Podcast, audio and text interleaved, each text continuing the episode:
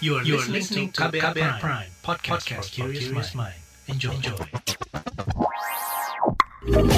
Kamu lagi dengerin What's Trending KBR Pagi.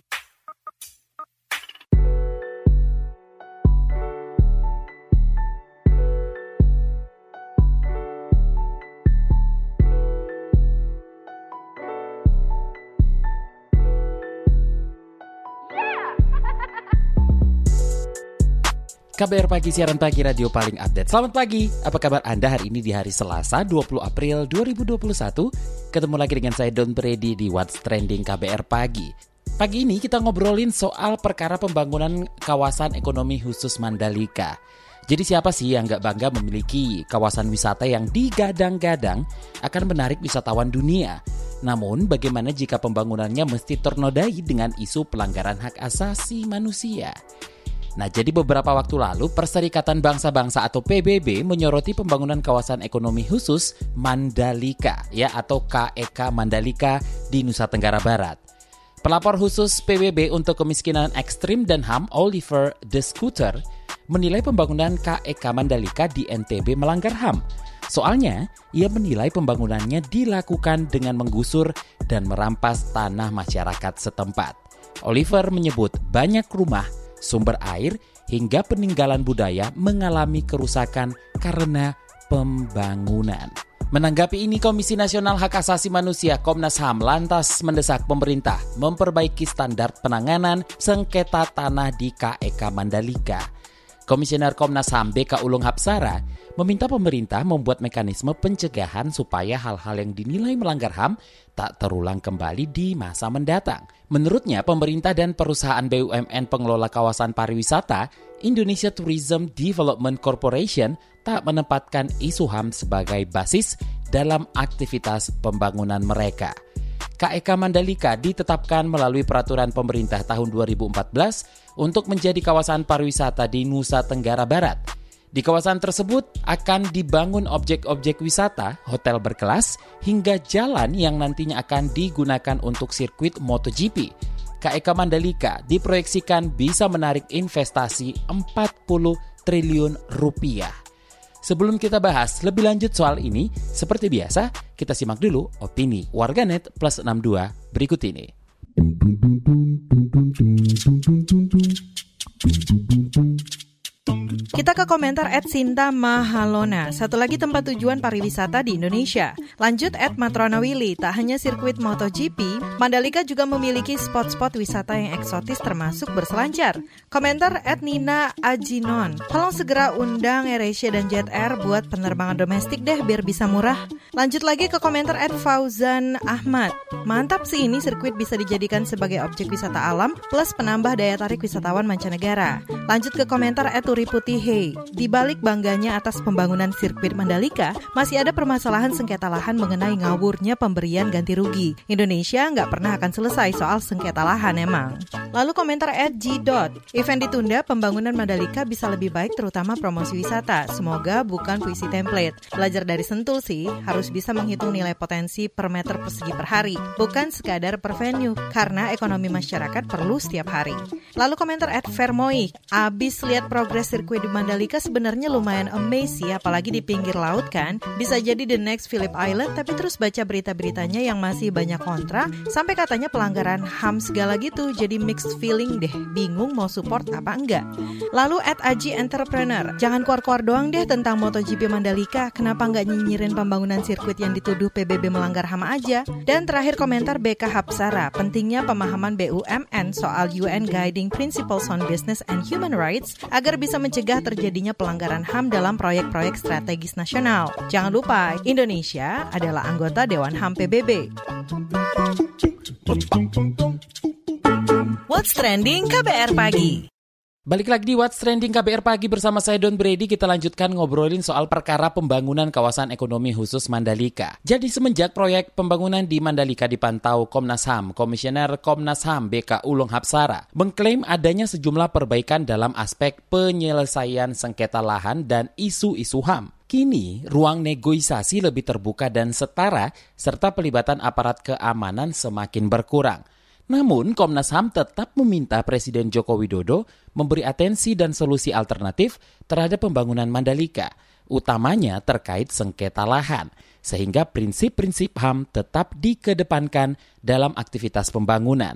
Untuk lebih jelasnya kita simak penjelasan Komisioner Komnas HAM di diskusi virtual di tanggal 18 April 2021 berikut ini. Di Mandalika ini bukan hanya persoalan tahun kemarin saja, tetapi jauh lebih panjang lagi ya kalau kita menilik pada sejarah tanah yang ada di Mandalika. Jadi pokok sengketanya atau kemudian ITDC atau Indonesian Tourist Development Corporation itu mengklaim sudah memiliki legalitas penguasaan lahan yaitu HPL sejak tahun 2010.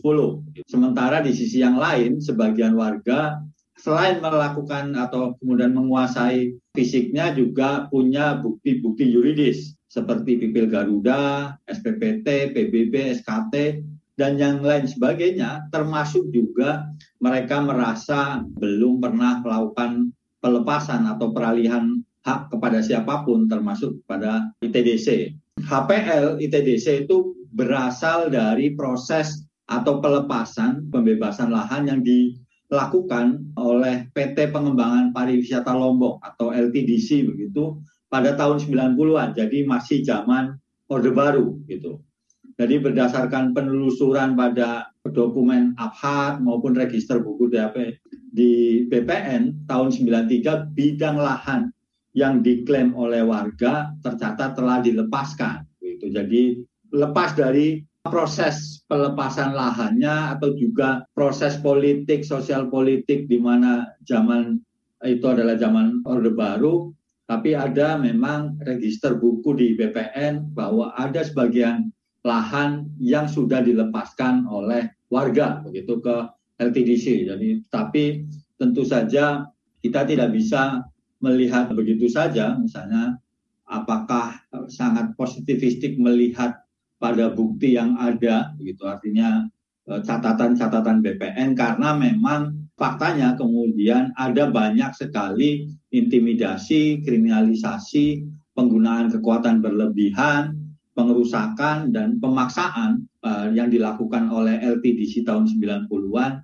untuk mendapatkan lahan dari warga. Terakhir dari saya terkait dengan pelapor khusus PBB, responnya ada tiga gitu ya, yang harus diperhatikan.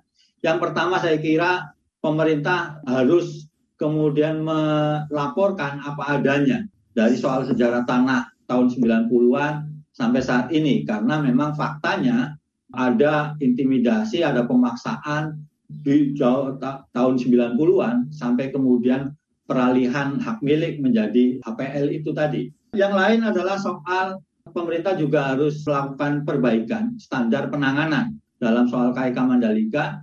Dan yang terakhir dari saya terkait dengan pelapor khusus adalah mekanisme pencegahan supaya kemudian hal yang sama tidak berulang lagi di masa depan. Karena ini kan baru satu bidang kawasan saja. Masih ada bidang-bidang lain yang akan segera dibangun oleh pemerintah. Nah, pada kesempatan yang sama organisasi pemerhati lingkungan Walhi turut menanggapi persoalan pembangunan kawasan wisata di KEK Mandalika tersebut. Berikut pernyataan Direktur Eksekutif Walhi Nasional Nur Hidayati. Jadi Mandalika ini juga potret bagaimana ruang itu dipandang sebagai alat produksi kapital atau alat akumulasi kapital. Dan ini rencana pemerintah yang disebut sebagai kawasan ekonomi khusus ya. Mereka akan membangun banyak sekali di sini dan kalau kita lihat ini juga proses-prosesnya sangat tidak transparan dan tidak melibatkan masyarakat dan kemudian mengakibatkan berbagai konflik. Jadi kasus Mandalika ini sebenarnya bukan kasus yang hanya satu-satunya gitu di Indonesia, tapi ini adalah hanya sebagai potret gitu ya. Masih banyak kasus-kasus serupa akibat bagaimana pemerintah melihat ruang-ruang di Kepulauan Nusantara ini. Sementara Menparekraf Sandiaga Uno saat weekly press briefing di lobi lantai 2 Gedung Sabta Pesona Kemenparekraf hari Senin 12 April 2021 kemarin berkomentar soal pembebasan lahan untuk sirkuit di Mandalika.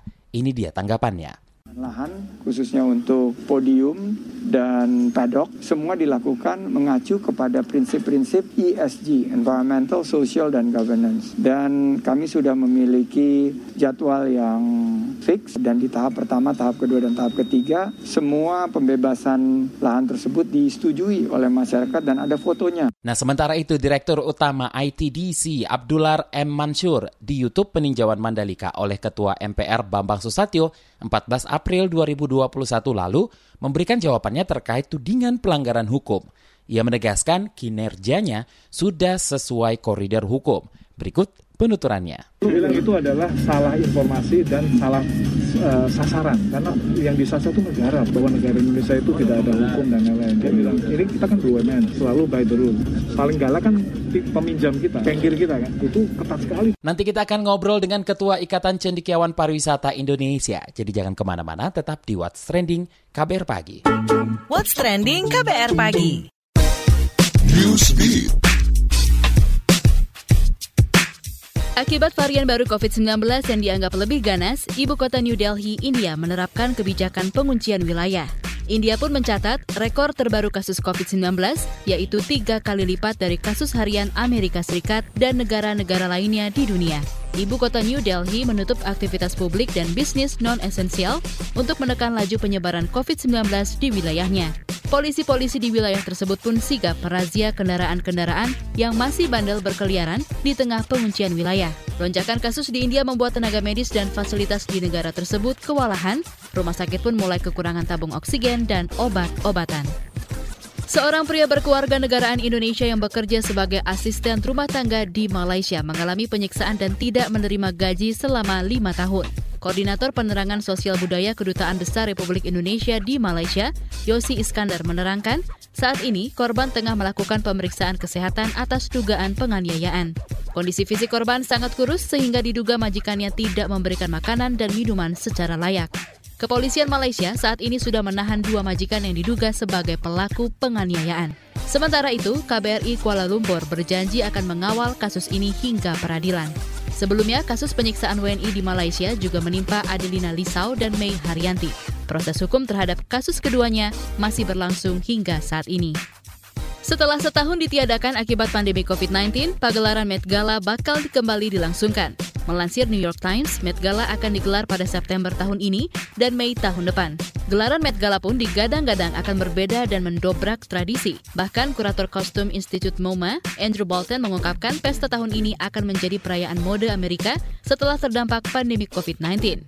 Bagian pertama acara Met Gala akan dibuka di Metropolitan Museum of Art, MoMA, setelah pagelaran New York Fashion Week 2021. Gelaran ini diprediksikan akan berdampak besar terhadap mode di Amerika.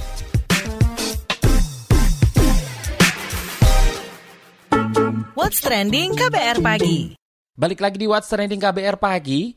Seperti yang saya katakan tadi, kita akan ngobrol dengan Ketua Ikatan Cendikiawan Pariwisata Indonesia atau ICP terkait pembangunan kawasan ekonomi khusus Mandalika yang disoroti PBB. Sudah bersama saya Azril Asari. Pak Azril, pelapor khusus PBB untuk kemiskinan ekstrim dan HAM, Oliver De Scooter, menilai pembangunan KEK Mandalika di NTB melanggar HAM.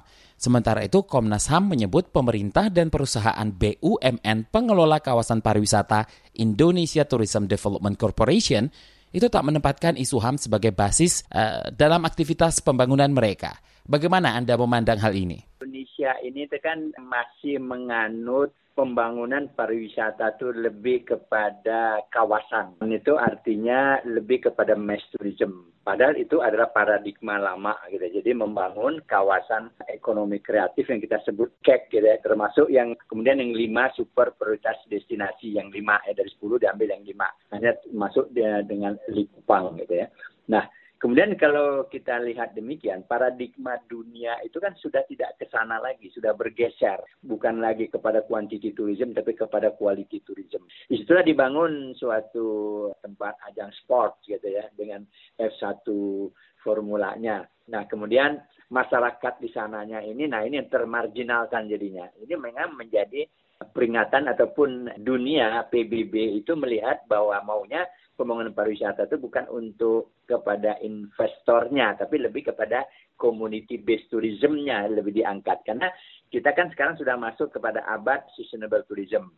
Atau kalau saya menyebutnya sekarang ini lebih kepada customized tourism. Jadi pariwisata yang memang lebih ke customize sesuai dengan keinginan kebutuhan dari si turisnya. Nah menurut Anda, apakah aspek HAM diperhitungkan dalam pembangunan sebuah kawasan pariwisata? Apakah ini juga bisa berpengaruh terhadap sentimen wisatawan dalam memilih destinasi? Iya betul, kalau dia wisatawannya Wisman, jelas dia akan memperhatikan bahwa kita itu pertama dari lingkungan, environmental itu kita jaga atau tidak. Kedua, kalau di dunia ini kan ada manusia, itu di hamnya, kemudian ada flora pada tumbuh-tumbuhannya, ada fauna gitu ya, binatang-binatangnya. Jadi tiga, jadi hamnya itu hampir pada tiga hal tersebut gitu. Nah inilah barangkali kalau yang di Mandalika, di mana hamnya itu, di mana kawasan itu memindahkan juga masyarakat yang asli di sana kan gitu, untuk dibangun menjadi kawasan ekonomi khusus atau menjadi kawasan pariwisatanya. Dan ini kan mengabaikan masyarakat yang selama ini ada dan hidup di sana.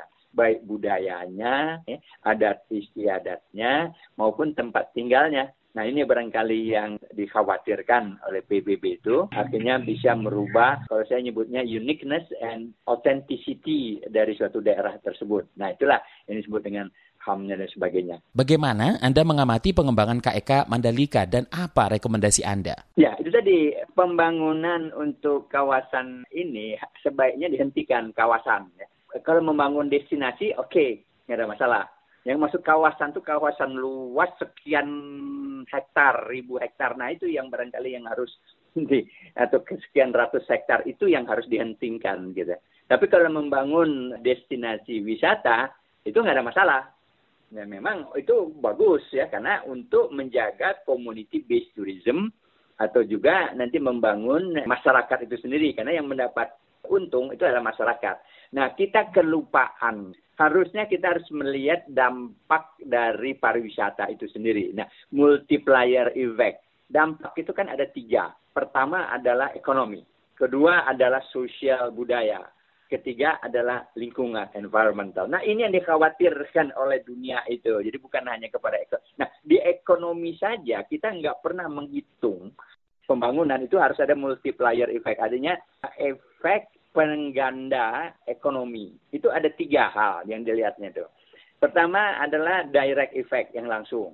Yang kedua indirect effect yang tidak langsung. Yang ketiga adalah induce effect. Jadi ikutan. Nah, itu kita nggak pernah hitung. Yang kita hitung adalah direct sama indirect saja. Sedangkan di dalam pariwisata itu harus juga diperhitungkan induce effect. Kita belum pernah menghitung induce effect pariwisata, ya, ekonomi ter, pariwisata ini terhadap tentu pembangunan nasional. Induce effect lingkungan segala macam itu lebih parah lagi eh, kalau kita hitung gitu. Nah ini kan harus kita hitung bukan hanya ekonomi, sosial budaya dan juga tadi satu lagi adalah lingkungan. Nah ketiga hal ini harus kita hati-hati gitu. Oke, jika isu HAM terus mengiringi pembangunan KEK Mandalika, apakah pengaruh terhadap investasi yang ditargetkan sampai eh, uh, 40 triliun rupiah ini, Pak? Kalau pemerintahnya masih berpikir pembangunan pariwisata itu adalah a place, investasi akan nomor satu. Utama kita terakhir, tiga tahun terakhir pemerintahan kita ini lebih kepada investasi. Nah hati-hati, karena ini akan menjadi kritikan dari dunia gitu, bahwa pariwisata, sedangkan pariwisata ini adalah suatu pendapatan devisa yang sangat bagus nanti untuk nanti gitu ya, bukan lagi ke industri, bukan lagi ke tambang, bukan lagi ke pertanian, tapi kepada pariwisata. Nah, kalau kita tidak hati-hati menjaga ini, kalau kita hanya melihat bahwa pariwisata itu investasi yang besar, membangun hotel, membangun jalannya, kemudian apalagi ada pernyataan bahwa kawasan ekonomi eh, khusus ini akan di setiap destinasi harus dibangun sport tourism seperti ini. Wah ini bahaya. Karena nanti dunia nanti akan beralih nanti dari kita. Karena tidak menjaga hal tersebut. Nah nanti akibatnya dampaknya nanti yang berikutnya akan jadi masalah. Karena bahwa pembangunan itu is not a fisik saja. Harusnya dia seimbang, balance. Jadi fisiknya oke, okay, tapi juga pembangunan-pembangunan lainnya. Padahal tourism is not a place gitu. Jadi bukanlah suatu tempat ya, dia bukanlah suatu fisik, bukan hanya infrastruktur infrastruktur saja. Nah, ini yang barangkali pemahaman-pemahaman ini yang harus dihayati oleh para pejabat kita, termasuk Menteri Pariwisata. Terima kasih Ketua Cendikiawan Pariwisata Indonesia atau ICPI, Azril Azari. What's Trending KBR Pagi. Commercial break. Commercial break. Walah, ada OTT lagi nih. Bro, Udah nunggu dari tadi ya? Sorry, sorry, macet. Bentar, bentar. Ini ada apa nih di Surabaya? Ini penting nih. Hoax apa bukan ya info ini? Mantengin timeline apa sih? Seru amat. Jadi lari sore nggak nih? Nih, kamu perlu tahu juga. Supaya update berita, pantau timeline at berita KBR bro. Akun Twitternya KBR. Beragam beritanya dan yang terpenting media ini terverifikasi Dewan Pers. Dijamin bebas hoax. Oh, oke. Okay. Terus rencana olahraga sore jadinya hoax nggak nih? Oh ya jadi dong, masa hoax sih? Ini demi menjaga kesehatan jiwa dan raga bro. Bentar, nah ini versi podcastnya bro. KBR Prime, sambil lari bisa dengar berita-berita dari KBR. Hmm, bentar deh, kok kayaknya tukang bakso di seberang sana itu ngeliatin gua mulu ya? Apa perasaan gua aja yang tiba-tiba lapar? Gimana kalau kita... Alah bro, bro. KBR, inspiratif, terpercaya. What's Trending KBR Pagi.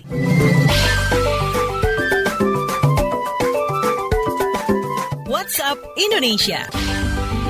WhatsApp Indonesia kita mulai dari Jakarta. Penyelenggaraan Piala Menpora 2021 diklaim berjalan sesuai rencana.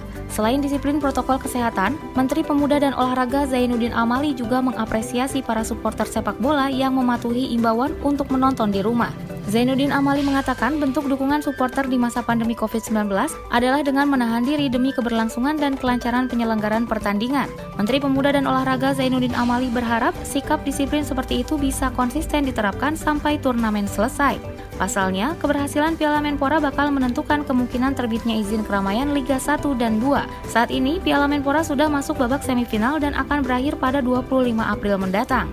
Zainuddin Amali mengungkapkan jika semua komponen dari penyelenggara mampu melaksanakan protokol kesehatan, gelaran turnamen apa pun akan berjalan sesuai rencana tanpa menimbulkan kekhawatiran terbentuknya klaster dari pertandingan. Ia juga akan mengeluarkan rekomendasi dari kegiatan tersebut jika pelaksanaan prokes bisa dipertahankan. Selanjutnya kita menuju Kalimantan Tengah. Pemerintah Provinsi Kalimantan Tengah memperketat pembatasan kegiatan masyarakat setelah sejumlah daerah di wilayah itu masuk zona merah atau berisiko tinggi penyebaran COVID-19. Kepala Bidang Sekretaris Satuan Tugas Penanganan COVID-19 Kalimantan Tengah Maria Cahya mengatakan, pembatasan kegiatan masyarakat atau PPKM diberlakukan untuk mengantisipasi melonjaknya kasus positif. Salah satunya dengan mewajibkan para pelaku perjalanan memiliki surat keterangan bebas COVID-19. Para pelaku perjalanan yang menggunakan transportasi udara dan laut wajib menunjukkan surat keterangan negatif tes menggunakan RT-PCR yang sampelnya diambil dalam kurun waktu maksimal 3 kali 24 jam sebelum keberangkatan. Sementara, pelaku perjalanan transportasi darat wajib menunjukkan surat keterangan hasil negatif rapid test antigen yang sampelnya diambil dalam kurun waktu maksimal 3 kali 24 jam sebelum keberangkatan.